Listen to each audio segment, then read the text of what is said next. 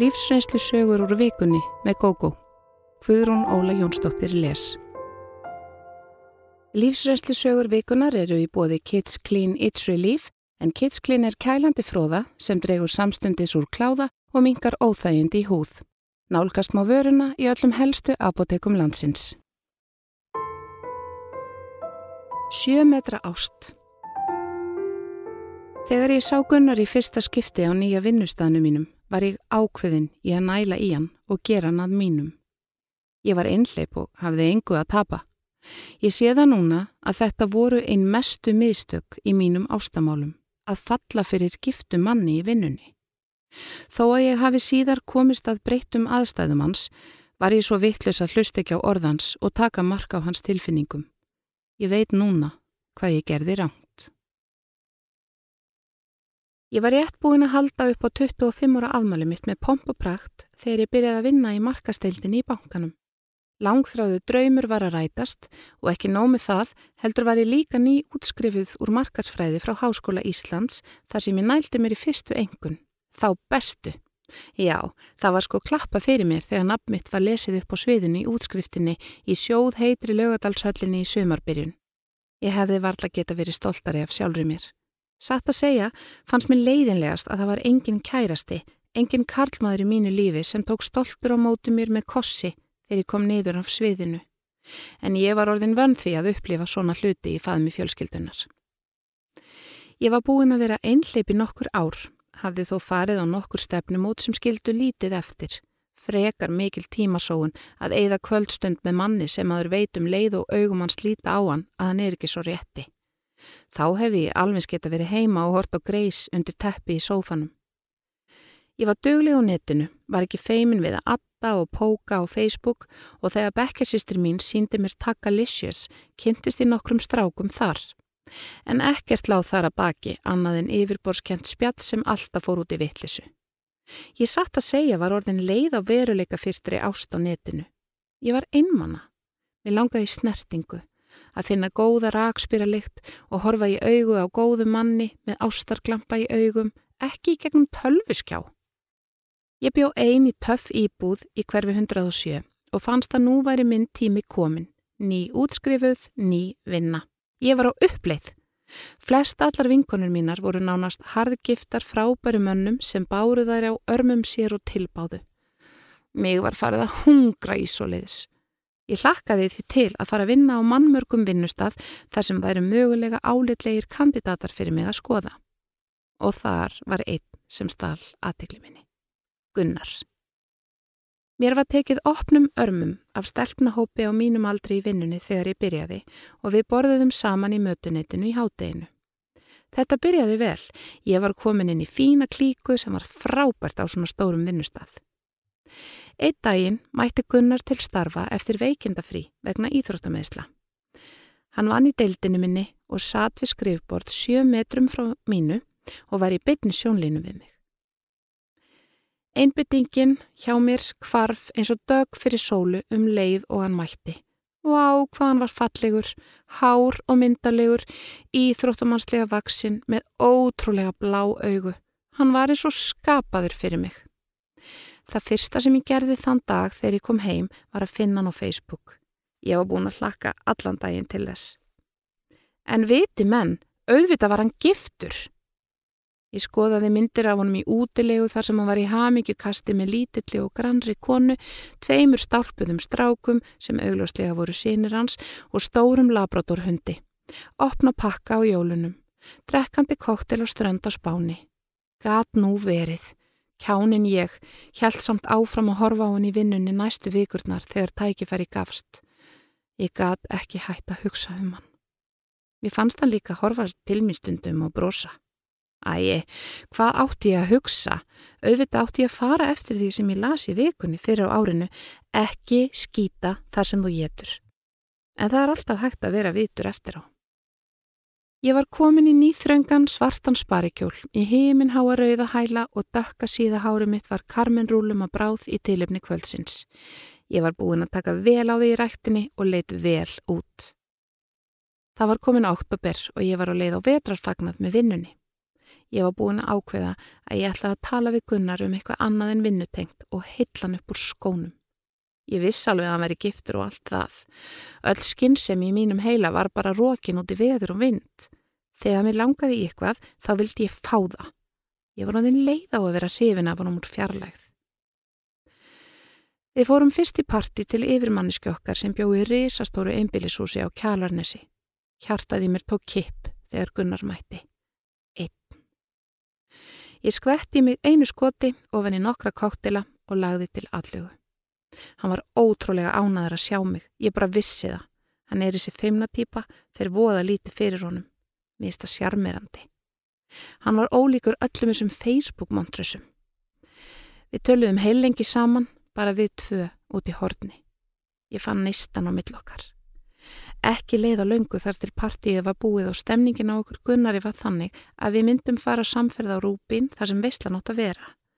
Vorum orðin ágætlega hífuð og byrjuð að hella í glösin hvort fyrir annað og höguðum því þannig að við færum tvö eini leigubíl. Vínið opnaði mig fyrir að segja um sannleikan hvað mér þættan æðislegur. Á miðri agrinn á miklubrautinni sagðan mér frettir ofan í diskolag í útarpinu. Hann væri að skilja við konuna sína. Mér leið á því augnabliki eins og að nú væri búið að bænheyra mig. Madurinn sem ég var bálskotin í var á lausu eftir allt saman. Auðvitað fyrir mig. Við kistumst ástriðu fullum kossi í leigubilnum. Ég var görsamlega í sjöunda himni. Við letum á engu bera fyrir framann vinnufélagana á rúbín en undir niðri kröymaði löngun í hvort annað. Við stöldruðum ekki lengi við í gleðskapnum. Við fórum heim til mín og kynntumst betur. Allt sem ég vildi segja og gera hafði ég loksins tækifæri til. Auðvitað leti varnar orð hans um að hann væri sko alls ekki á leiðin í sambandi nánustu framtíð eftir 17 ára hjónaband sem vind um eiru þjóta. Hann var minn. Það var vandraðalegt að sjá hann að næsta vinnudegi. Dagarni liðu og við töluðum ekkert saman um það sem gerðist, bróstum bara hvort til annars yfir þessa sjö metra. Ég var orðið svo hrifin að þegar ég kerði vinnuna skalvi af spennu og hjartaði mig nánast snerti stýri þegar það pumpaði. Á endanum varði ég að rjúfa þögnina, þetta var orðið svo óþægilegt. Ég þakka honum fyrir síðast og hann, feiminn sem endranær, sagði að þetta hefði verið æðislegt. Ég skalf svo mikið að ég vissi ekki hvað ég átt að segja. En þar sem við vorum að vinna saman var ég róleg og vissi að ég átti eftir að hitta hann aftur daginn eftir og næsta og næsta. Ég vildi að það hefði verið svona gott eins og það ljómaði. Næstu vikur voru tóm sæla, auggotur hvort til annars í laumi frá skrifborðunum, sjóðheitar SMS-sendingar, tölvupostar. Við höguðum því eins oft og við gátum þannig að við færum samferða upp í mötuniti í liftunni, bara tvö einn. Þær 20 sekundur voru okkar paradís á meðan liftan fór á milli hæða og þeir korsar sem við áttum þar áttu eftir að endast út allan daginn. Þeir vílik spenna. Allt í einu var ég farin að hunsa stelpunar og setja hjá honum og ég fann að þeir voru farnar að líta mig hortnega en ég leta ekkert á mig fá. Þetta leinilega samband okkar Gunnars einskorðaðist nánast engungu við vinnuna. Hann bjó langt frá höfuborginni og var í öðru starfi þar eftir vinnu. Ég var orðin dálítið þreytt á því að við gátum aldrei gert neitt saman og hann gæti nú alveg sendt mér SMS svona við og við. Og þá kom hann aftur með áminninguna sem ég var búin að útiloka frá huganum. Hann væri ekki að fara í samband. Hann ætti skildum að gegna kakvart sónum sínum og hann vildi ekki gera þeim það að hitta aðrar konur strax. Hann talaði lítið um konuna sína fyrfirandi en ég vissi að skilnaður þeirra væri á viðkvæmu stíi og ég yrði að vera þólinnmóð. Og já, ég var þólinnmóð í marga mánuði. Ástfangin upp fyrir haus, horfandi á hann í vinnunni, hugsandi um hann ein heima í stóru íbúðinu minni, óskandi þess að hann væri hjá mér. Mm. Við hittumst í eitt skipti fyrir utan vinnuna. Það var allt og sund. Hann ringdi mig þegar hann var í vinnuferði í London og mér fannst það indislegt. Stundum lofaðan mér að við myndum hittast en þá kom eitthvað upp á hjá sónunum. Ég var orðin afbreyðsum út í þá. Þetta var farð að taka á mig og þegar ég kerði heim úr vinnunni á hverjum degi fann ég svo mikinn söknuð í hanskarð. sérstaklega á förstutugum klukkan 5 þegar ég vissi að ég myndi ekki sjá hann í tvo heila daga. Þetta var orðin vítarhingur. Ég varð að segja honum að þetta gengi ekki lengur svona. Ég væri einn taugarhúa út af honum, gæti ekki einbytt mér í vinnunni, sæti grátandi einn heima að hugsa um hann, væri búin að útiloka mig frá stelpunum í vinnunni sem hefðu verið svo góðar við mig upphafi og að þetta leinumakk okkar væri að skemma mig. Ég var svo upptrekt í vinnunni að ég fann að fólk var farið að líta á mig sem neikvæða og hundleiðinlega mannisku. Ég gæti ekki talað um þetta samband okkar við neitt engan í vinnunni.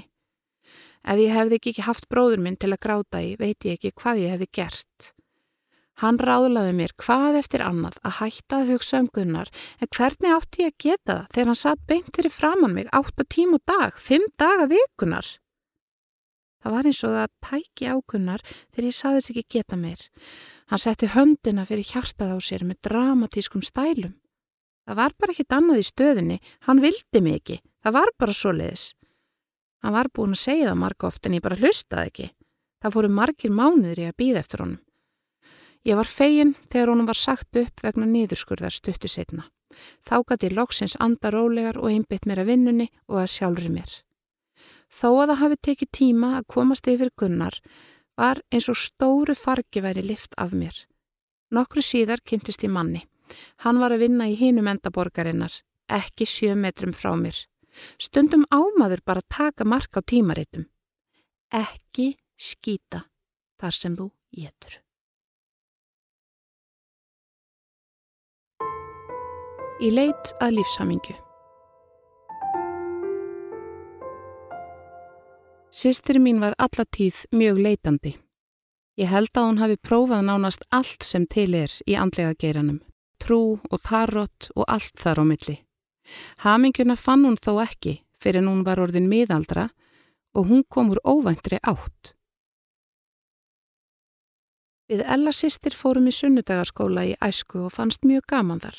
Ég var um tíma í skátunum en hætti svo að nenna öllu barnastarfi nema íþróttum.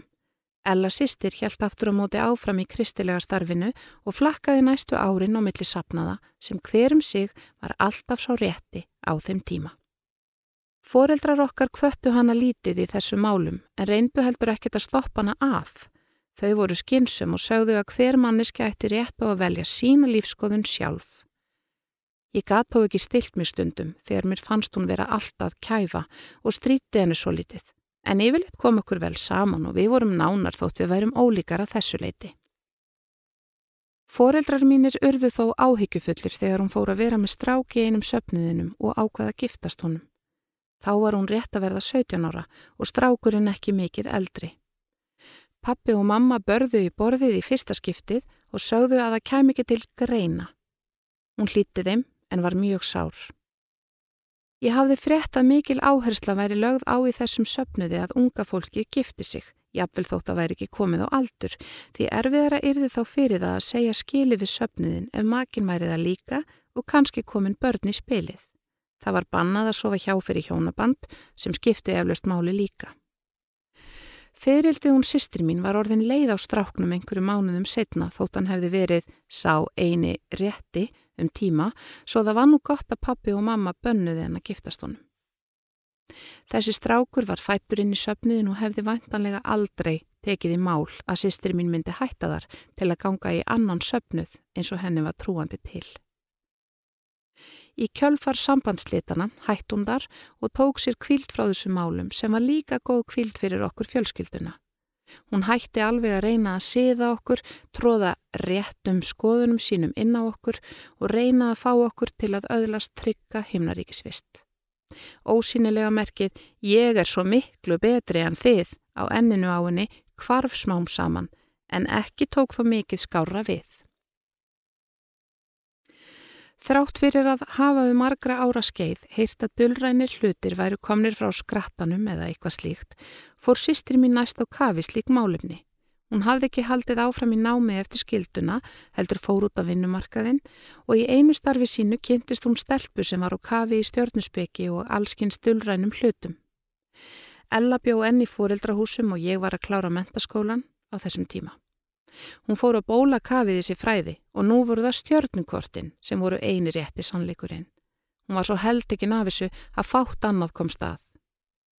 Ég var skotin í stráka á þessum tíma og hún lind ekki látum fyrir hún var komin með fæðingardag hans og ár og nákvæma fæðingarstund til að geta gert kort. Svo sá hún litlusistur að hann var í gott efni í raðmórðingja en samt væri hann sálufélagi minn. Við skelli lófum að þessu en Ella gætt gert þessa hluti skemmtilega með því að blanda húmorinn í þá. Endalus reykjelsislikt barst úr herbyrkinu hennar og mamma var stöðugt rættum að kertaljósinum allt hjá henni ættu eftir að kveika í húsinu. Ella flutti að heiman eftir að hún kynntist ungu manni sem einnig hafði áhuga á andlegu málöfnum. Þau fóru að búa saman og í kjölfar atvinnuleysis ákvað Ella að fara að spá fyrir fólki. Það var heil mikið að gera hjá henni þótt hún eði nú ekki ríka á þessu. Ég veit ekki með spásagnarhæfileikana, hún sagði fólki þar sem hún hjælt að það vildi heyra og hafði að auki heilmikinn sannfæringarkraft. Ella sannfærði sjálfa sig á tímabili um að hún byggi yfir dullrænum hæfileikum og alltaf þegar eitthvað gerðist þá saðist hún hafa fundið á sér eða dreymt fyrir því en aldrei sað hún þó frá því fyrir en eftir að það hafi gerst. Hún var leiknar í þessu með árunum og saði stundum að hún hefði slæma tilfinningu það færi eitthvað að gerast Og jú, frænd okkar lendi bílslisi og mamma fekk krabba minn og þá rættist nú þessi slæma tilfinning hennar heldur betur. Mér ofböð þegar hún kvíslaði klökk að mér að hún hefði slæma tilfinningu fyrir veikindu mömmu og ég saði henni reyðilega að hætta þessu bylli. Mömmu batnaði og þá þýtti slæma tilfinningin bara það að hún hefði verið svo mikið veik. Ég var gift og tvekja barna móðir á þeim tíma sem mamma veiktist og maðurinn minn síndi ellu mun meiri þólimæði en ég. Þar sem við sýstur erum bara tvær var ekki svo auðvelt að forðast hana þegar hún var í sem mest um ham. Sem betur fyrr átt hún þó vini sem voru á kafi í sömu málum. Ég neytaði ekki að ég hafi gaman af sömu sem hún sýsti mín heldi sér úti en á meðan hún trúði á stokka og steina skemmti ég mér yfir stjörnusbánu minni og fannst feng sví svolítið sniðugt þótt ég væri kannski ekki alveg jafn heitluð og Ella. Stundum var ég hálf hrættum að Ella hefði slæm áhrif á börnin mín en hún hjælt mjög mikið upp á þau. Sjálfur hún ballaus og á þessum tíma rætt hún balleysi til einhversa fyrir lífum sínum þar sem hún hefði verið vond við börni sín. Ella bjóðum tíma út á landi með manni sem hún var með í nokkur ár. Hún ringdi stundum í mig og kvartaði meðal annars yfir því hversu slæm manniska yfir maðurinnar væri, kona á sextusaldri sem virtist leggja sýstru mína í eineldi. Blessu konan veiktist og var lengi að ná sér en Ella var með á hreinu að veikindin stöfuði af því hver vondun væri við hana. Það er svo skrítið, það er eins og ef fólk gerir mér eitthvað þá kemur alltaf eitthvað fyrir það, sagði hún við mig. Þá dæsti ég og bendinni á að rekkjusvinnið úr skólanum okkar væri í dag velmegandi forstjóri sem liti út fyrir að vera mjög hamingjusamur þrátt fyrir að hafa rektana og grætti gamla daga. Ella átti nú engin svör við því en myndist ekki framar á svona lagað við mig. Ekki svo lengu setna hætt hún með manninum og flutti aftur til höfuborgarinnar. Ella róaðist með tímanum. Hún let sér næja að stunda sitt jóka og hengja upp mynd af indverskum gúru í Svefnumbergi sitt. Gúruinn Sai Baba horfi blíðum augum á hana frá myndinni og gaf henni kraft og blessun eins og hún saði sjálf. Fyrir nokkrum árum virtist Ella verða frákverf öllu dullrænu og leitaði aftur í trúna. Hún var þó ekki jafn óþólandi og hún var sem ung heitrúi stúlka en það var skrítið að heyra hann að fara að forda með hluti sem hún hafði áður lifað fyrir. Nú var til dæmis í jóka komið á dauðalista hjá henni. Ella var fremst í flokki í söfnuði sínum við að frelsa fólkundan jókabölfuninni og samt þótti söfnuðurinn ekki mjög öfgaföllur. Myndin af Sæbaba fór auðvitað í ruslið. Mér þykir voða væntum hana sýstu mína þótt hún hafi verið heilmikil öfgamanniski á köplum og reynlega klikkuð í augum sumra ættingi okkar sem þekkt hann ekki vel. Hún var auðvitað áhrifagjöld og leitandi sem er kannski ekki besta blandan. Ég óskaði þessum tíma að ég ætti sýstur sem ég geti deilt áhyggjum mínu með án þess að hún blandaði stjórnusbyggi, sæbaba, karma eða kvöði við allt saman en ég reyndi eftir bestu getu að virða val hennar og hún gerði sannlega sitt besta til að sína okkur virðingu á móti. Henni fannst samt nánast óhugsandi að ég og fjölskylda mín getum lifað hafmyggjusömu innihaldsríku lífi og verið góðar manniskur þótt við værum ekki svona trúið eins og hún. Svo breyttist allt einhvern veginn fyrir örfáum árum. Ella kynntist og fór að búa með góðu manni, jarðbundnum og traustum ekli sem á tvö uppkomin börn og eitt barnabarn. Ella elskar þau öll eins og hún eigið um hvert bein. Maðurinn hennar er ekki mikill trúmaður og hefur engan áhuga á dölrannu málum. Það hefur líklega dreyið áhrifagjarna sýstur mína svo liti niður á jörðina. Hann var líka mjög heppin að hafa fundið hana. Hann var svo skinsamur að horfa fram hjá öfgunum í henn og sjá gimsteinin sem hún er.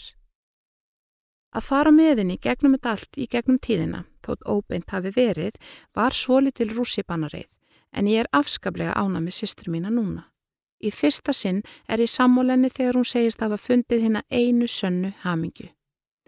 Ég held að mér hafi jafnvel tekist að draga hana svo liti niður á jörðina í gegnum árin og að móti tókst henni stundum að ná mér á flug.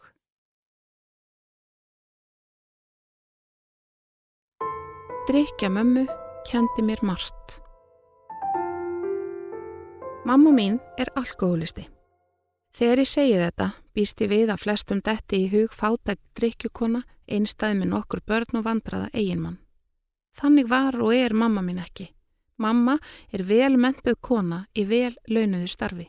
Hún er æfinlega glæsileg til fara og þeir sem hitt hana í vinnunni og á förnum vegi myndu aldrei láta sér detta í hug að þessi kona væri alkoholisti. Í fyrra horðist mamma í augu við vandasinn og fór í meðferð. Líf okkar allra hefur breyst ótrúlega síðan. Fyrstu minningar mínar um drikkjumömmu eru frá því ég var 6 eða 7 ára. Mamma og pappi heldu oft matarbóðum helgar og grillveislur í sömarbústanum. Í slíkum bóðum var æfinlega bóðið upp á glæsilega fordrykki og vín með matnum. Mamma var vön að fá sér drykk áður en gestirnir komu, ímist til að smakka fordrykkin og fullvissa sig um að hann væri góður eða til að styrka sig við matarundirbúningin. Þetta var til þess að mamma var alltaf hífuð þegar gestirnir komu. Ég skinnjaði að hún var öðruvísi en hinnir og skammaðis mér fyrir það. Börn eru ótrúlega viðkvæm fyrir áliti annara á fóreldrum sínum og ég þóttist taka eftir því að gestirnin horðu skringilega á mömmu þegar hún tóka mótið þeim, hávær, rauði kinnum og með glansandi augu. Engin sagði neitt og þegar líða tók á kvöldið varð minni munur á mömmu og hinnum. Alltaf voru einhverjir sem drukku yfir sig í þessum veistlum og sjálfgefara en hitt að menn væru alveg með sjálfum sér þegar þeir fóru. Mér var óskapleg raun að þessum bóðum og nokkrum sinnum reyndi ég að tala um það við mömmu. Ég bað hana ofta haldi ekki bóðum næstu helgi, heldur vera bara með okkur krökkunum. Hún sagði að hún skildi aðtuga málið en þegar helgi nálgæðist bauð hún einhverjum heim. Ég skil núna að sjúkdómurinn alkoholismi allir þessu. Mamma taldi sér trúum að hún drikki aðeins í góðra vinna hópi. Þess vegna þurft hún að sapna um sig hyrð drikkufélaga um helgar til að geta látið það eftir sér að drekka. Hún hefði alls ekki geta slefti. Vínið hafði of sterk tök af henni. Ég bað mömmu líka oft að drekka minna og hún lofaði mér alltaf að passa sig. Það lofvort var sömuleiðis glemt um leið og hún hafði lokið úr tveimur glösum. Pappi drakk mun minna en mamma en hann tók þátt í veistlumennar. Hann hjælt að með því að drekka með henni gæti hann haft einhverja stjórn á drikkinni. Það var hins vegar vonlöst mál og eftir því sem áleið tók pappi minni og minni þátt í helgarveislu mömmu. Pappi hafði mjög lítil afskipti af okkur krökkunum og heimilinu. Hann var í erfiðu og krefjandi starfi og vann mjög mikið. Hann hefur auk þess alltaf verið mjög hlétrægur og rólegur maður sem ekki er gefin fyrir að bera vandamál sín á torg. Ég reyndi einu sinni að tala um það við hann hversu illa mér væri við drikkjuna á heimilinu. Hann lustaði á mig en svaraði engu. Þá vissi ég að yngrar hjálpar var að vænta frá honum. Mamma var í raun mjög ábyrst foreldri og hún vildi standa sig vel gagvart okkur börnunum sínum. Í meðri viku þegar hún var edru fylgist hún vel með öllu. Hún hjálpaði okkur við heimanámið, útbjó nesti og þóði og straujaði fötin sem við áttum að fara í morgunin eftir. Alla mína æsku vaknaði ég við það að reyn vel straujuð föt lágur samanbrotin á skrifbóstólnum mínum. Mamma var okkur einnig mjög góð kannski ofgóð því sektarkendinni við drikkjunni var oft svo sterk að hún let allt eftir okkur til að bæta okkur upp helgarsvallið. Hún átti það einnig til ef helgin hafði verið tiltakanlega slæm að færa okkur gjafir. Ég var auðvitað ekki einum að líða illa yfir drikkjunni á heimilinu Sískinni mín áttu einning mjög erfitt. Mamma skinjaði vanlíðan okkar og hún fór að reyna að koma okkur fyrir hjá ættingum og vinum um helgar til að geta haldið uppdegnum hætti. Sistri mín gisti mjög oft hjá vinkonu sinni og mamma kvattana til þess. Ég veit ekki hvort foreldrar þeirra stelput grunaði eitthvað en foreldrar bestu vinkonu minnar vissu að ég var að flýja drikkjuna á heimilinu þegar ég kom til þeirra um helgar. Þótt undarlegt með ég veriðast þá leið mér ekki betur heima hjá vinkonu minni. Ég var jú örug og þar var ekki drukkið en ég hafði stöðugar áhyggjur af mömmu. Mér fannst verra ef eitthvað var að vera að heiman. Ég vildi fylgjast með og vita fyrir víst að það væri lægi með mömmu. Stundum kom það fyrir að hún datt á leiði rúmið og meiti sig eða hún sopnaði út af einhver staðar og ældi. Ég var þó vöna þrýfana og komin í rúmið. Ég var ekki vissum að neitt gerði það ef ég var ekki heima, svo ég kaus frekar að vera heima en fara burtu. Mamma sagði að ástæðan fyrir því að hún drikki væri að svo miklar kröfur væri gerðar til hennar. Hún yrði að fá að slaka á og njóta lífsins að minnstakosti einu sinni í viku. Hún hjælt því æfinlega fram að við bærum engan skada af því. Eitt sinn man ég að bekkurinn minn fór allur saman í leikus. Þetta var á sunnutas eftir middegi og mamma var óskaplega þunn. Hún hafði sopnað út af í sófanum einhver tíma um nóttina. Þegar við vöknuðum um morgunin skreið hún inn í rúm og þar lág hún þegar ég myndan á leikusferðina. Ég var gráti næst þegar ég fór inn til hennar en það taldi ég engar líkur á að hún risi úr ekki svona á sig komin. En mamma vildi ekki að ég þjáðist, svo hún reif sig á fætur, málaði sig og greiti hárið. Hún var óaðfinnanleg þegar við fórum út úr styrunum og aðeins þeir sem kemur alveg að okkur gætu séð þreytumerkin í kringum augun og rauðsprengt augun. Á leiðinni í leikusið sög mamma hálstöflur, tópas og piparmyndur. Ég fann samt súra vinnlikt af henni en vonaði að engin annar yrði varfi neitt. Við komum í leikusið og mamma helsaði hinn um fórildrunum, brosti og hló. Ég var svo eina sem vissi að hún nötraði af þingu og í hlíinu var hún að hlaupa niður á klósett til að kasta upp. Sennilega hefur þetta kostað hana óskaplegt átak en ég misti ekki af leikusferðinni. Að vísu var ég allan tíman skítrættum að krakkarnir eða fórildrar þeirra skinjuðu og sæju að eitthvað var að mömmu en daginn eftir í skólanum komst ég að því að enginn hafði fatta neitt. Drykja mömmu jógst jamt og þjætt og þegar hún fekk yfirmannstöðu í vinnunni varð ástandið enn verra. Mamma var farin að fá sér í glas á kvöldin til að ná að slaka á. Ég kvartaði en þá saðist hún verða að fá sér eitt fyrir svefnin, annars gæti hún ekki sofið. Þegar þarna var komið sögu var ég komin í mentaskóla og sýstir mín farin að heiman. Ég vissi að hlutirnir stemdu í óefni því mamma byrjaði að drekka stöðugt fyrir á daginn. Í fyrstu drakk hún bara sent á kvöldin en núna var ég vörfið vinglös bak við glukkatjöldin í stofunni og inni í eldbúsi strax svo hún kom inn úr dyrunum að vinnudegi loknum. Ég hafði alltaf reynd að taka ábyrð á mömmu en nú var mér nóg bóðið. Ég bað pappa um að styrkja mig til að ég geti leikt mér íbúð. Hann samþykti það og eftir að ég fór að heiman versnaði ástandið til muna. Bróðir minn talaði aldrei um drikkuna við mömmu og skipti sér ekki af henni frekar en pappi. Mamma lendi í vandraðum í vinnunni og hætti að geta mætt eftir drikkunætur. Yfirmaður hennar sett henni úslitakosti. Annarkvort fær hún í meðferð eða hún misti vinnuna. Mamma fór í meðferð. Hugsunarháttur mömmu hefur breyst gífurlega síðan hún ákvaða að taka á drikkuvanda sínum. Hún er hægt að líta á sjálfa sig sem fórnarlamp aðstæna og kvartar ekki lengur undan því að gerðar séu ofmiklar kröfur til hennar. Hún talar nú um að lífi sig gjöf sem við verðum að fara vel með og að hún vil ekki missa af einni mínútu. Það hefur gert mér mjög gott að sjá mömmu takast á við vandamál sín og sigrast á þeim. Ég hef sjálf tekið þá ákvörðin að smakka aldrei vín en mamma hefur sínt mér að það er ekkert ómögulegt. Maður er sjálfur við stjórn í eigin lífi og enginn bjargar þér nema þú sjálfur. Ég trúi því að ég, eins og mamma, geti sigrast á öllu því sem lífið sendir mér. Ástinn er grimm. Mér finnst stundum að konur telli sig eiga engarétt á ástasorginni. Það er á þeim að heyra að karlmenn séu tilfinningalöysir, tillitslausir og grunnhygnir og konur verði æfinlega fyrir barðinu og grimd þeirra. Staðrindin er hins vegar svo að konur geta verið alveg jafn samviskulöysar þegar ástin er annars vegar og þegar þær slíta samböndum, gildir, rétt eins og hjá körlunum að slíta sig lausar hvað sem það kostar. Sambiliskona mín misnútaði mig og særði mig djúpu sári.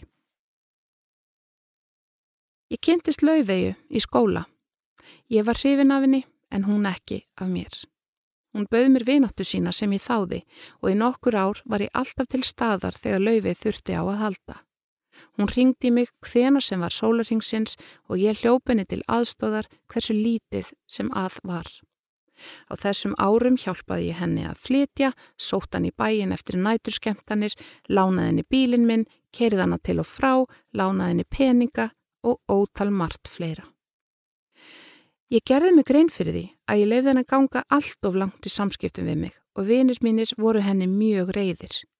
Besti vinur minn tók mig eitt sinn á eintal og sagði Ef þú heldur áfram að leifin að ganga svona yfir þig mun hún aldrei bera nokkra virðingu fyrir þér. Auk þess er þeir ekki holdt að binda tilfinningar þína svona við mannisku sem ekki endurgeldur þær. Þú ættir að slíta því lausan og gleiminni. Skömmu síðar bauðs mér að fara í nám í Danmörku.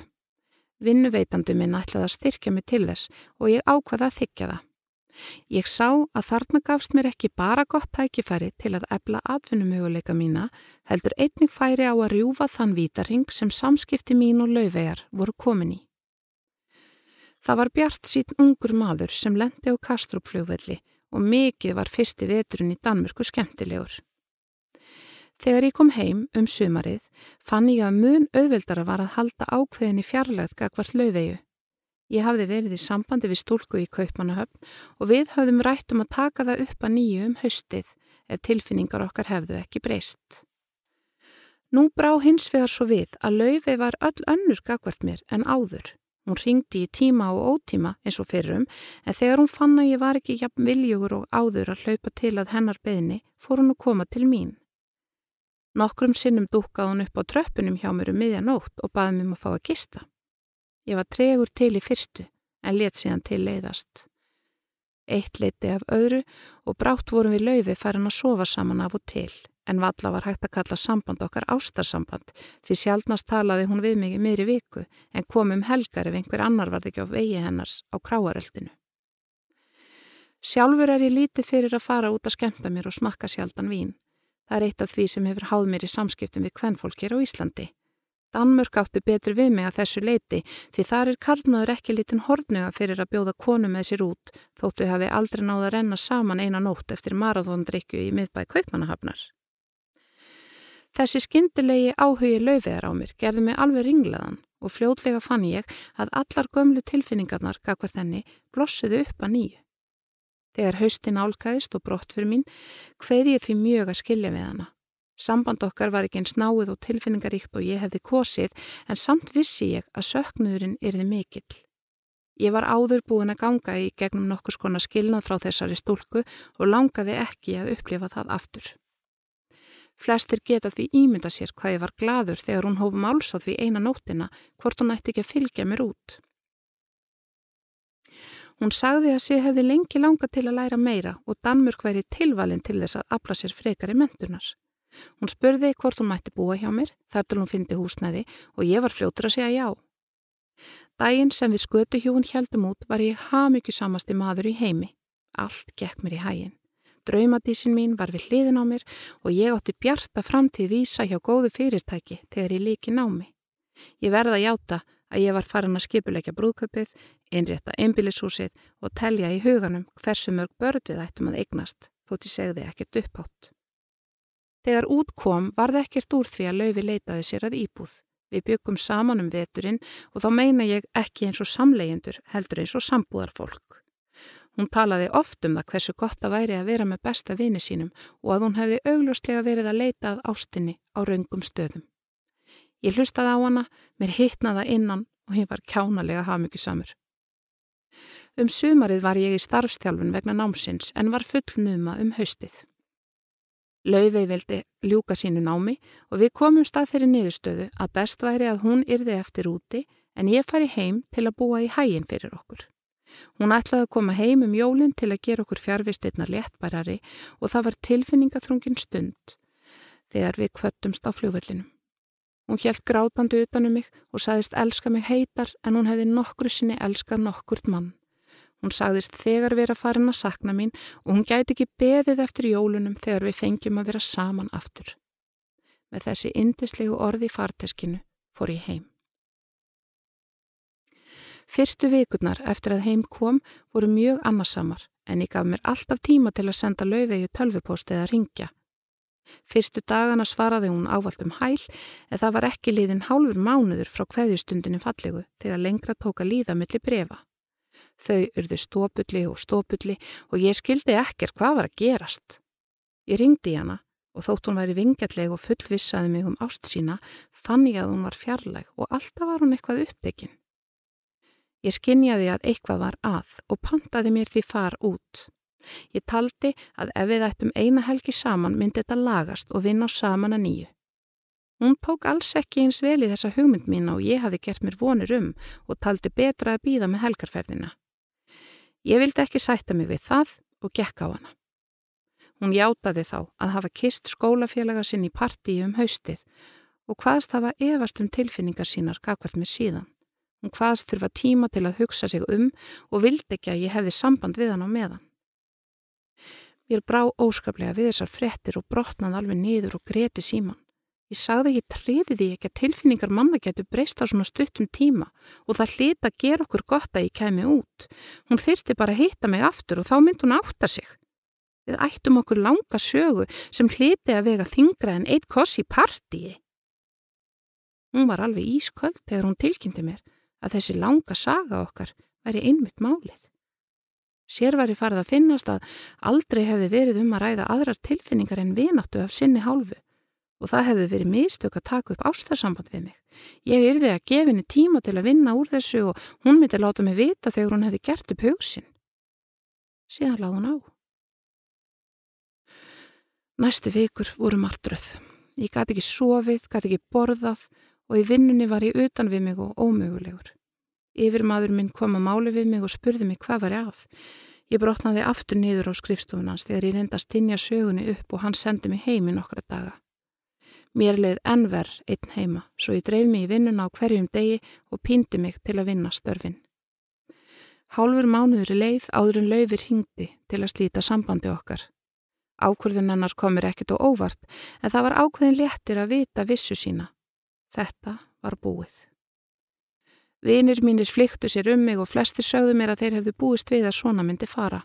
Hún hefði sendt vinkonum sínum tölvupostað utan meðan við byggum enn saman til að lýsa fyrir þeim sætum strákum í skólanum og jafnan fylgdu þau skilabóða að ekki mætti segja mér af þessu því ég er þið svo spældur að vita að hún væri að spá í strákana. Mér brá skiljanlega við þessa frettir en þetta hjálpaði mér að vinna mig út úr sorginni. Um jólinn kom Laufey heim og við hittumst fyrir tilviljun á kránir í bæ. Ég gekk til hennar og spurði hvort við ættum ekki að reyna að halda vináttunni. Hún var full og letið svo astni, saðis ekki geta tala við mig því ég geti haldið að þá mætti ég reyna við hana. Svo skelli lóun. Þetta kvöld læknaðist ég endanlega af ástminni til Laufeyjar. Lengi á eftir gati hins vegar ekki hugsa mér að eiga í sambandi við nokkra konu. Ég gati ekki treyst konum Það breytist þegar ég kynntist Sigrúnu en hún hefur undanfarnar mánuði kent mér að ekki eru allar konur eins. Þú varst að hlusta á lífsreynslusögur úr vikunni með GóGó í lestri Guðrúnar Óli Jónsdóttur og framleiðslu Storysight árið 2020. Höfundaréttur Vikan.